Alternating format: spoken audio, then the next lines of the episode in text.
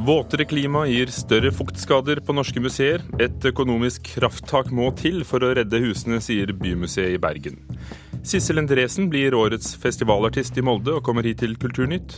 Wes Anderson, kritikernes yndling blant amerikanske filmskapere, har laget ny film, The Grand Budapest Hotel, som vi anmelder. Og koreograf Kjersti Alvberg sammenfatter et liv som koreograf i én forestilling. Hun kommer også hit til Kulturnytt i Nyhetsmorgen i NRK med Hugo Fermariello i studio. Fukt er eh, blitt et økende problem for museene i Norge pga. et varmere og våtere klima. Nå etterlyser flere museer og museenes eget forbund en satsing på vedlikeholdet. Akkurat på det tilfellet så måtte vi fjerne grunnmuren og eh, sette inn eh, nye stokker fra bunnen. Lafte inn nye stokker. Fordi at de, de var så skada, de som var der. Stian Myhren er leder for bygningsantikvarisk avdeling ved Norsk Folkemuseum, og viser reparasjoner gjort på et lafta eldhus fra 1600-tallet. Dette er noen måneders arbeid som ligger på, det, på de to stokkene der. Reparasjonene skal følge gamle skikker, og råteskader kan føre til langvarig vedlikeholdsarbeid. De siste åra har omfanget av fuktskader på antikvariske hus økt, og et våtere klima for skulder. Altså det, det, har alltid regna mye i Bergen. Det er ingen uh, overraskelse på oss. Men det som vi ser, er at tørkeperiodene, periodene uten regn, blir stadig kortere. Sier direktør ved Bymuseet i Bergen, Per Øyvind Riise. Riise er på Damsgård hovedgård i Bergen og viser råtesopp på bordkledninger på bygget fra 1700-tallet. Han er glad for at det har vært en økning i museet sine driftsmiddel, men ser det må enda mer til om en skal holde husene i god stand. Det har vært en vekst i det offentlige tilskuddet. Jeg tror nok at staten også er klar over disse utfordringene. Men det er klart det er en stor bygningsmasse som norske museer forvalter. Og dette her skjønner vi også er en langsiktig eh, prosess. Det er viktig nå at dette her som blir prioritert. Dette handler i bunn og grunn om en økt prioritering av bygningsvern sånn at vi kan ta vare på sånne steder som det her. Og Saken er at hvis ikke man får tatt det eh, tidlig nok, så skaper det større problemer for bygget. Ja, det med fukt har vært et økende problem. Det sier Liv Ramskjær, generalsekretær ved Norges museumsforbund. Flere museum har gitt tilbakemelding til Museumsforbundet om en øke i skader som følge av et våtere klima. Museer på Innlandet melder om et mer kystlignende klima. Ramskjær sier det er utfordrende for museer å holde tritt med vedlikeholdet. Det er klart, noen av eh, landets museer sitter jo med fem, over 500 bygg de har ansvar for. Andre jo, har jo kanskje bare 75 bygg, men det er likevel ganske stor eh, mengde bygg med da, innhold å, å ta vare på. For en del så gir det jo da varige skader på, bygg, på, antikvariske bygg, og noen av de er jo da av stor kulturhistorisk verdi. Statssekretær i Kulturdepartementet Knut Olav Åmås ser museet allerede har fått en stor økning i driftsmidler men at de skal se over behovene til museene. I eh, de siste ti-tolv år er det få sektorer i kulturlivet som har fått eh, større budsjettøkninger enn nettopp eh, museene når det gjelder statlige tilskudd. og Mye av den styrkingen er nettopp begrunnet i behovet for bedre vedlikehold. Vi skal nå gjennomgå de ca. 70 søknadene vi har fått fra museumsinstitusjoner, og danne oss et samla bilde av alle behovene som museene gjør, gjør rede for. Forebygging av råte og sopp som følge av fukt er et arbeid som aldri tar slutt, men der en må ligge i forkant for å unngå større skader. Noe Stian Myhren ved Norsk Folkemuseum håper å få til. Det er det som er målet, og det, det prøver vi med å intensivere det forebyggende vedlikeholdet og, og tilsynet. Men så har vi skader som er oppstått over år, som er gamle. Eh, altså et etterslep på skader. Så vi bruker også en god del tid på å sikre dem, at ikke de utvikler seg videre. Og slik står det til på Norsk Folkemuseum, reporter Kristin Forland.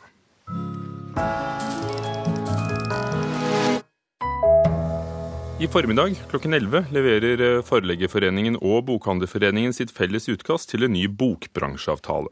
I utgangspunktet ønsket bransjen seg en egen boklov, det ønsket ikke den sittende regjeringen. Men er det aktuelt for dem å fortsette å gi bokbransjen en dispensasjon fra konkurranseloven, kulturkommentator i NRK, Agnes Moxnes? Hvis du ser på denne bokavtalen, så er jo det en slags sånn gi og ta-avtale. hvor forfatterne og forlagenes og bokhandlernes rolle er å gi fra seg god litteratur om og fra Norge på et eh, oppdatert og godt norsk språk. Men staten da på sin side legger, skal legge forholdene til rette for at dette kan skje, bl.a. med at man skal få fritak for konkurranselovene. Men når eh, bokhandlerne og forleggerne nå i dag da sender fra seg sitt forslag til en ny fireårig bokavtale, så tror jeg at det er en bransje som eh, sliter litt med søvnløshet Eh, for tida, fordi at de skal altså sende inn dette forslaget sitt til en regjering hvor Fremskrittspartiet er eh, rikt representert. Og Fremskrittspartiet har i denne sammenheng vært krystallklare i mange år på at de ønsker at eh, også bokbransjen skal være fri konkurranse i, i bokbransjen, fordi Fremskrittspartiet da mener at det gir billigere bøker for forbrukerne. Og det har jo nærmest blitt et rituale hver gang det har vært snakk om en ny sånn avtale at Konkurransetilsynet sier nei, og så får de unntak av regjeringen. Men det kan altså bli mer spennende i denne regjeringen. Hva vil en sånn avtale inneholde? Vil bransjen f.eks. Eh, tviholde på dette med faste bokpriser i en viss tid? Ja, altså De ser jo på det som et av de absolutt viktigste virkemidlene for å opprettholde en lønnsom eh, bransje. Samtidig så må denne bransjen, som står, består av mange små forlag, og, eh, men i hovedsak liksom består av disse tre store eh, enhetene, som er Aschehoug forlag, eh, Cappelen Dam og, og Gyllendal, som hver av dem har eh, tre store bokhandlerkjeder. De er gjennom denne forslaget til ny bok, bokavtale som kommer nå, nødt til å vise at de er åpne for konkurranse konkurranse, og at de er villige til å legge forholdene til rette for eh, e-bøker. Men hva står på spill for bokbransjen hvis de ikke får denne avtalen seg imellom? Altså er, det, altså hvis du ser litt stort på det, så er det veldig mye som står på spill for uh, bokbransjen for tiden. Både omsetningen, som har stått ganske stille de siste årene. Men først og fremst hvis de bare kaster blikket ut av, av landet, blant f.eks. til Tyskland, som på sett og vis for den norske bokbransjen som ønsket seg en boklov, er et slags sånn drømmescenarioland, fordi at de har boklov, de har faste bokpriser, de har null rabattordninger og sånt noe. Men like fullt så er altså den nye, om, nyere omsetningen av bøker i Tyskland nå fullstendig i ferd med å bli tatt over av Amazon eh, og de som følger i kjølvannet av dem igjen, nemlig iBooks og, og Google Books. Og det er altså sånn nå at eh, Amazon har 75% av nettbokomsetningen i Tyskland, og de står for 40% av e-bokomsetningen. Eh, og eh, dette er eh, rett og slett en, en virkelighet som står og banker på den norske bokbransjedøra også. Når vet vi om det blir en ny avtale, hvordan den ser ut? Ja, Nå skal dette sendes til regjeringen, og så skal regjeringen sende det til konkurransemyndighetene. Og, eh, og så er det jo da til syvende og sist Næringsdepartementet som skal ta stilling til om vi får en ny bokavtale eller ikke. Takk, Agnes Moxnes.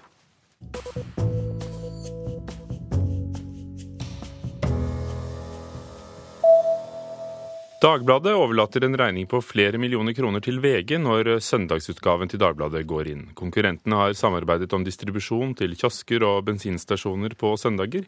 Sjefredaktør i VG, Torry Pedersen, bekrefter overfor Dagens Næringsliv at de må betale et fåtall millioner mer i året pga. nedleggelsen. Dagbladet skal heller satse på én avis som skal stå i stativene hele helgen. Avisen var først ute med søndagsavis i 1992, eh, og er altså den første som legger dem ned blant de store. Selv om de norske Max Manus og Kon-Tiki-regissørene Joakim Rønning og Espen Sandberg har fått oppdraget med å regissere den femte Pirates of the Caribbean-filmen, har Disney ikke bestemt seg for om filmen skal lages. Det fortalte Disney-sjef Bob Iger da selskapet gjorde opp status over de forskjellige filmprosjektene denne uken. Filmen var opprinnelig planlagt å få premiere neste sommer, men er nå utsatt i ett til to år. De fire første filmene med Johnny Depp som Captain Jack Sparrow har spilt inn mer enn 20 milliarder kroner på kino.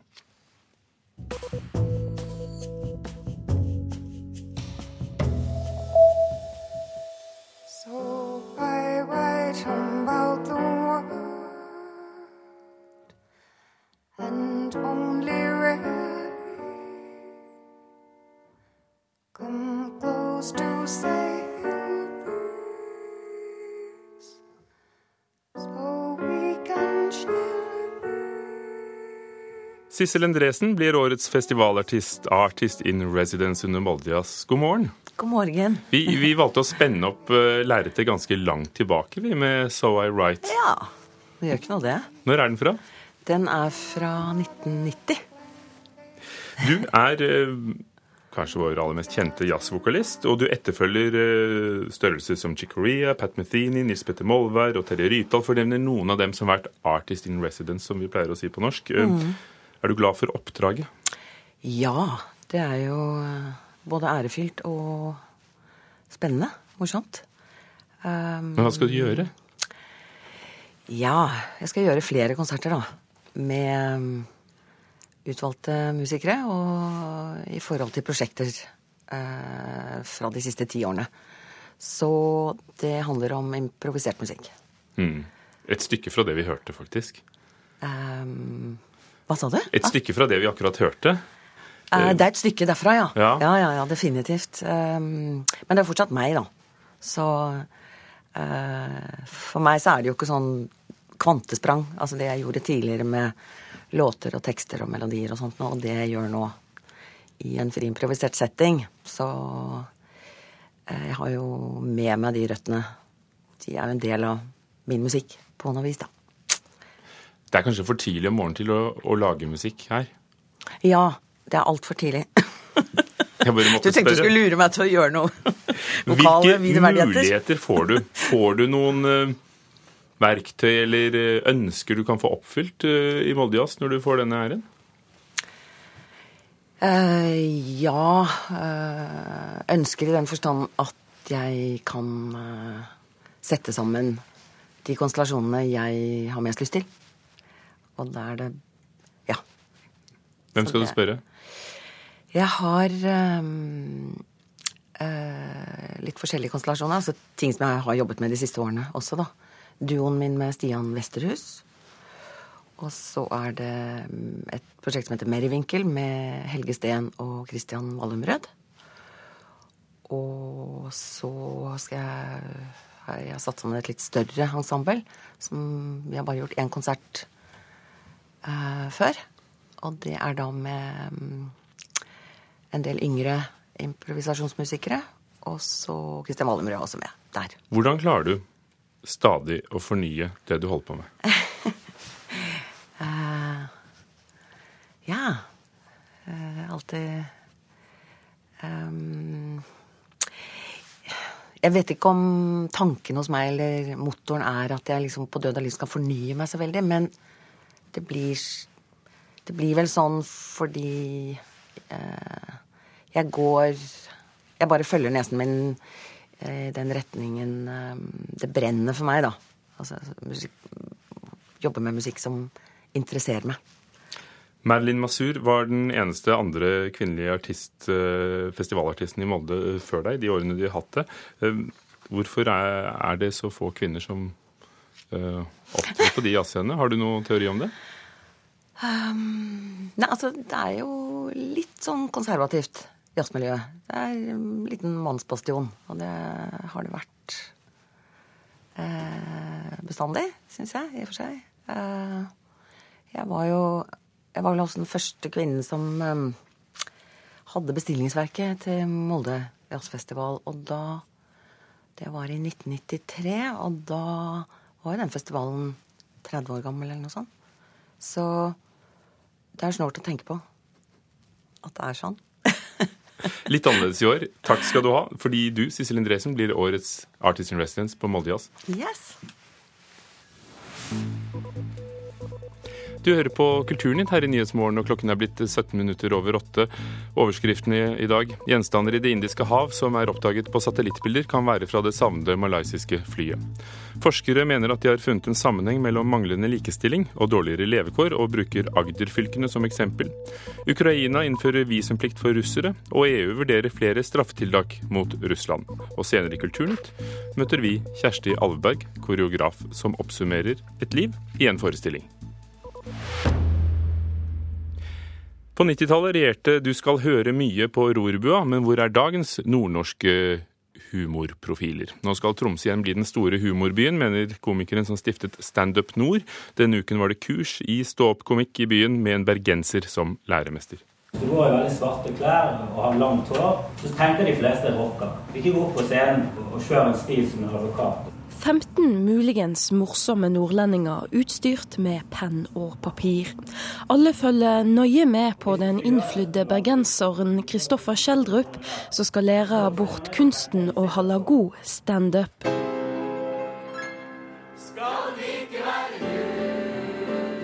Latteren fra rorbua runga utover hele landet på 90-tallet.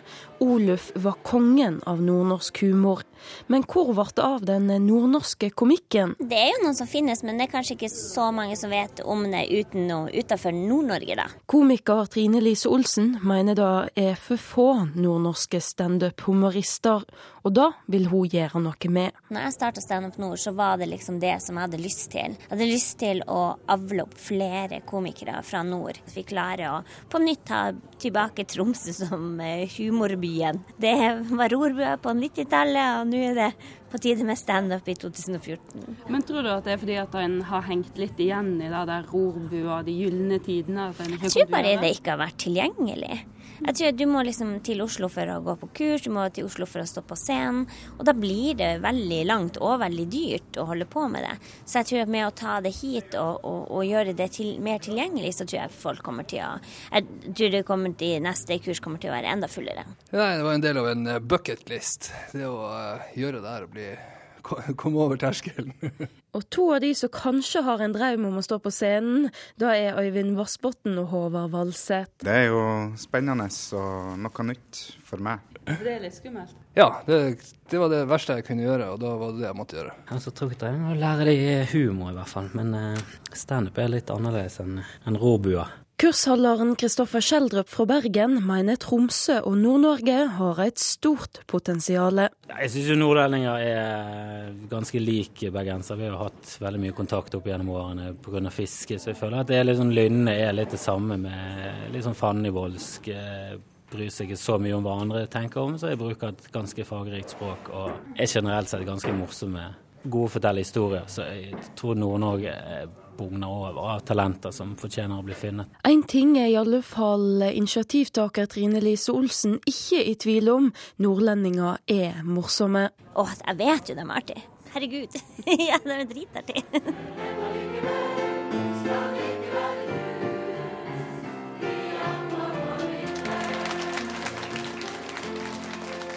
Og reporter var Stine Homedal.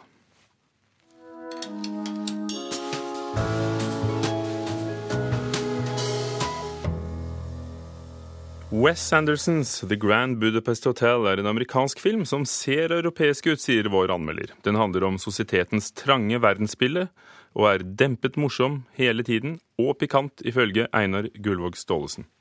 The Grand Budapest Hotel har den fineste rollebesetningen vi får se denne sesongen. Sammensetningen er utsøkt. De som er med og har navn fra før, er slike som blir edlere med årene. Bill Murray, Ralph Fiennes, Jude Law, Willem Dafoe, Tilda Swinton, Harvey Keitel, Tom Wilkinson. Det er flotte folk i alle roller. Unge og ukjente yter også på høyt nivå. Dear God. Five minutes. Do it. And bring a bottle of the Paris Jouvet 26 in an ice bucket with two glasses so we don't have to drink the cat piss they serve on the dining car.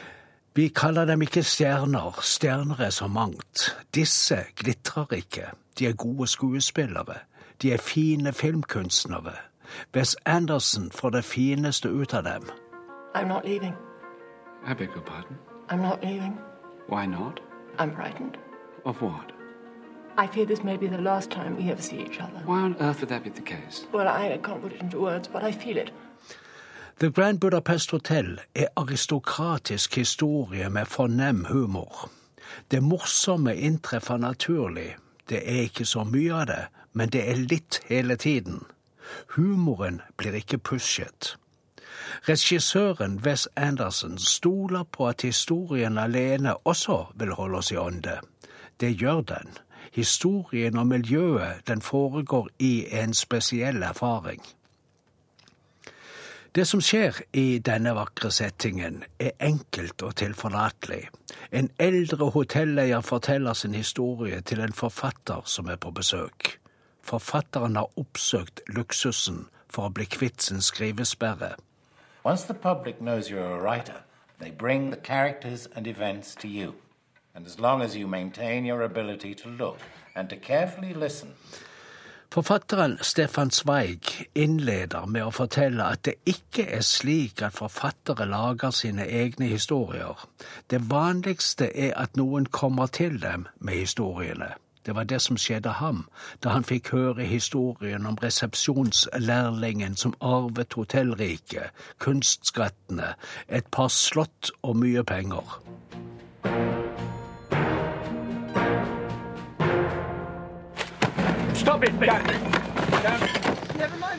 Vi er ikke i Budapest. Det er bare hotellet som bærer det navnet. Hotellet befinner seg i et alpelandskap med tysktalende mennesker. Det ser vi, og det hører vi i noen få og korte verbale innslag. Ellers snakker folk engelsk. Tysk språk i film selger ikke så godt. Her er engelsk ålreit fordi det kan være det samme hvor vi er. Det vi ser, er aristokratiets trange verdensbilde på den tiden, for 80-90 år siden. Det er typene som er historien. Det er eksklusiviteten blant hotellgjestene der oppe på toppen av verden. Det er dannelsen og etiketten, og det er velbehaget i pikante brudd på normene. Utgangspunktet er den urgamle grevinnen, stamgjesten som testamenterer alt sitt til konsierren. Han har fått mang en gammel dame til å føle seg vel. Han elsker kvinner med hvitt hår og skrukkete hud. When you're young, it's all fillet steak, but as the years go by, you have to move on to the cheaper cuts, which is fine with me because I like those. More flavorful, so they say. Fra The Grand Budapest Hotel, som har altså sesongens flotteste ensemble, ifølge Einar Gullvåg Staalesen, og filmen har norgespremiere eh, i morgen over hele landet.